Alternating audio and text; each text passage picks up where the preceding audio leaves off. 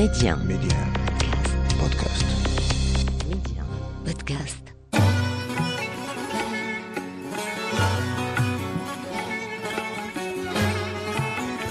في العام 330 قبل الميلاد سيهزم الإسكندر المقدوني جيوش الملك الفارسي داريوش في حملته التوسعية شرقا وكما كان عليه الأمر لاحقا مع المغول بعد هزيمتهم للدولة العباسية في العراق سيأمر الإسكندر جنوده بحرق كثير من الكتب ومنها كتب الزردشتية هنا ستضيع جل تعاليم هذه الديانة التوحيدية والوضعية في آن والتي دونت الآلاف من تعاليمها تلك على جلود البقر.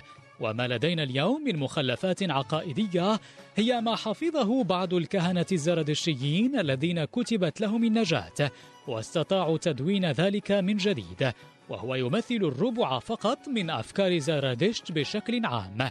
هنا سنحاول في هذا العدد أن نبسط لكم مستمعين بعضا منها.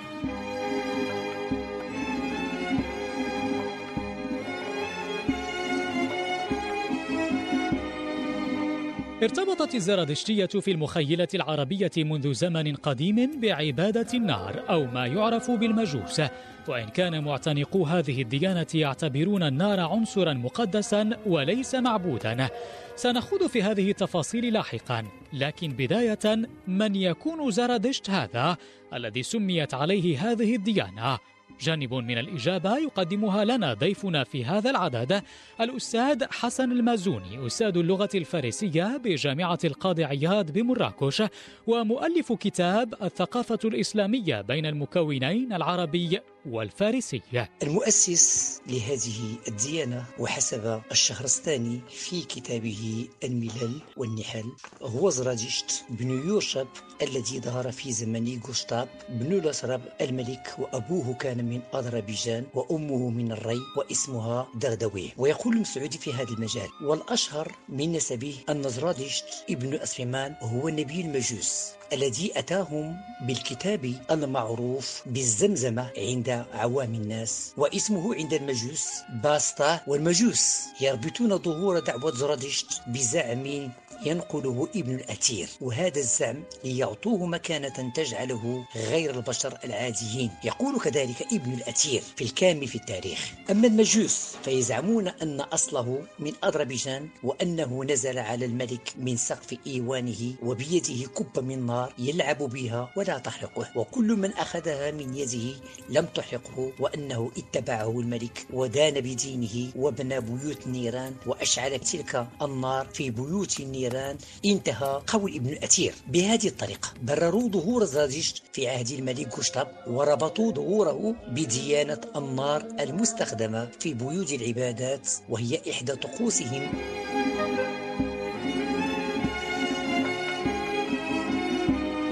يقول بعض الباحثين إن دعوة زرادشت تشبه دعوة بوذا إذ ترك بيته وهو في العشرين من عمره واعتزل في كهف مدة سبع سنوات ثم نزل عليه الوحي وهو في الثلاثين على يد فوهيمانو إله الحكمة وكان يمارس طب الأعشاب في حياته.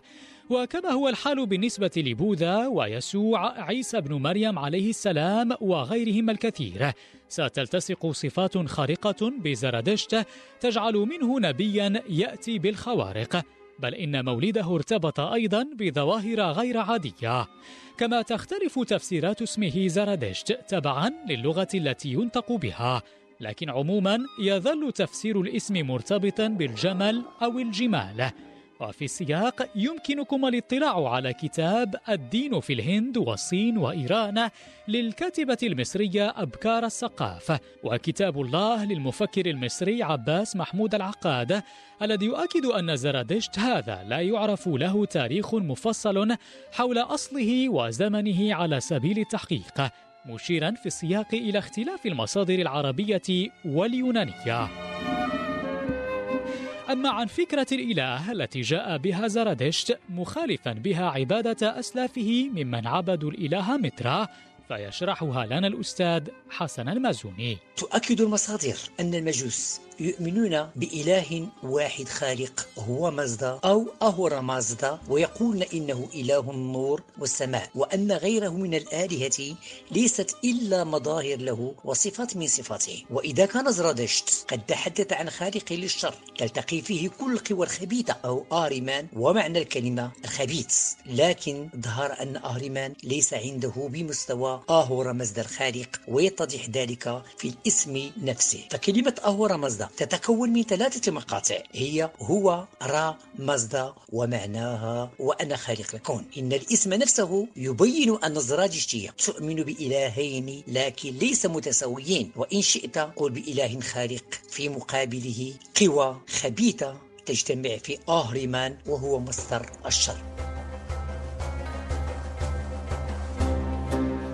من خصائص الديانة الزرادشتية وبحسب ما تنص عليه نصوص الأفيستا هي احترام عناصر الطبيعة وهي أربعة النار والتراب والهواء والماء حماية للبيئة. وإذا لوث الزرادشتي هذه العناصر فسوف يتعذب في الآخرة. وهي بذلك أول ديانة إيكولوجية في العالم. أما عن قدسية النار ومحوريتها في هذا الدين فيقول الأستاذ حسن المازوني نقلا عن المرجع الديني الأعلى للزرادشتيين في إيران رستم شاهزاده تدخل النار بشكل أساسي في عبادة الزرادشتيين لأنها مصدر للنور الذي يجب عليهم الاتجاه إليه لأنه قبس من نور أهور مزدا ويقول السيد رستم شاهزادي عن ذلك. إن ما نفعله هو أننا نتجه للنار في بعض الأحيان باعتبارها تمثل النور الذي نعتقد به انعكاسا أو مظهر من مظاهر الله. وعندما نتوجه لعبادة الله نتجه إلى النور بأي شكل كان ففي النهار تكون قبلتنا الشمس وفي الليل القمر أو النجوم أو أي ضياء كان ومنها النار طبعا حيث نعتقد.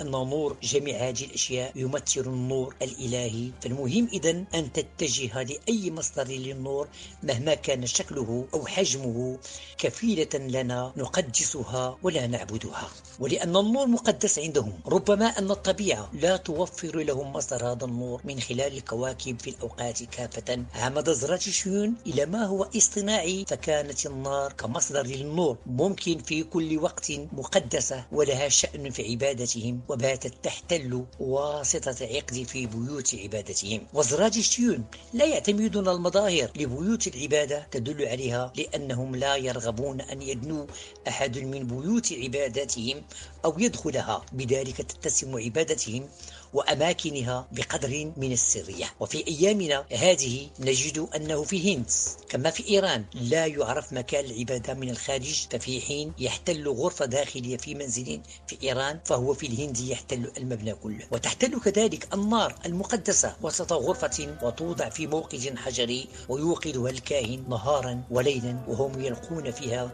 كميات من البخور. ويضع الكاهن كمام على فمه فإلا يدنس النار. فكرة تدنيس هذه تمتد أيضا لطقوس الدفن عند الزرادشتيين وهي طقوس ترفض فكرة اختلاط الجسد المادي بعناصر الطبيعة. فكيف يتم ذلك؟ الجواب سيكون في عدد الغد بحول الله. دامت لكم المحبة مستمعين ودمتم آمنين.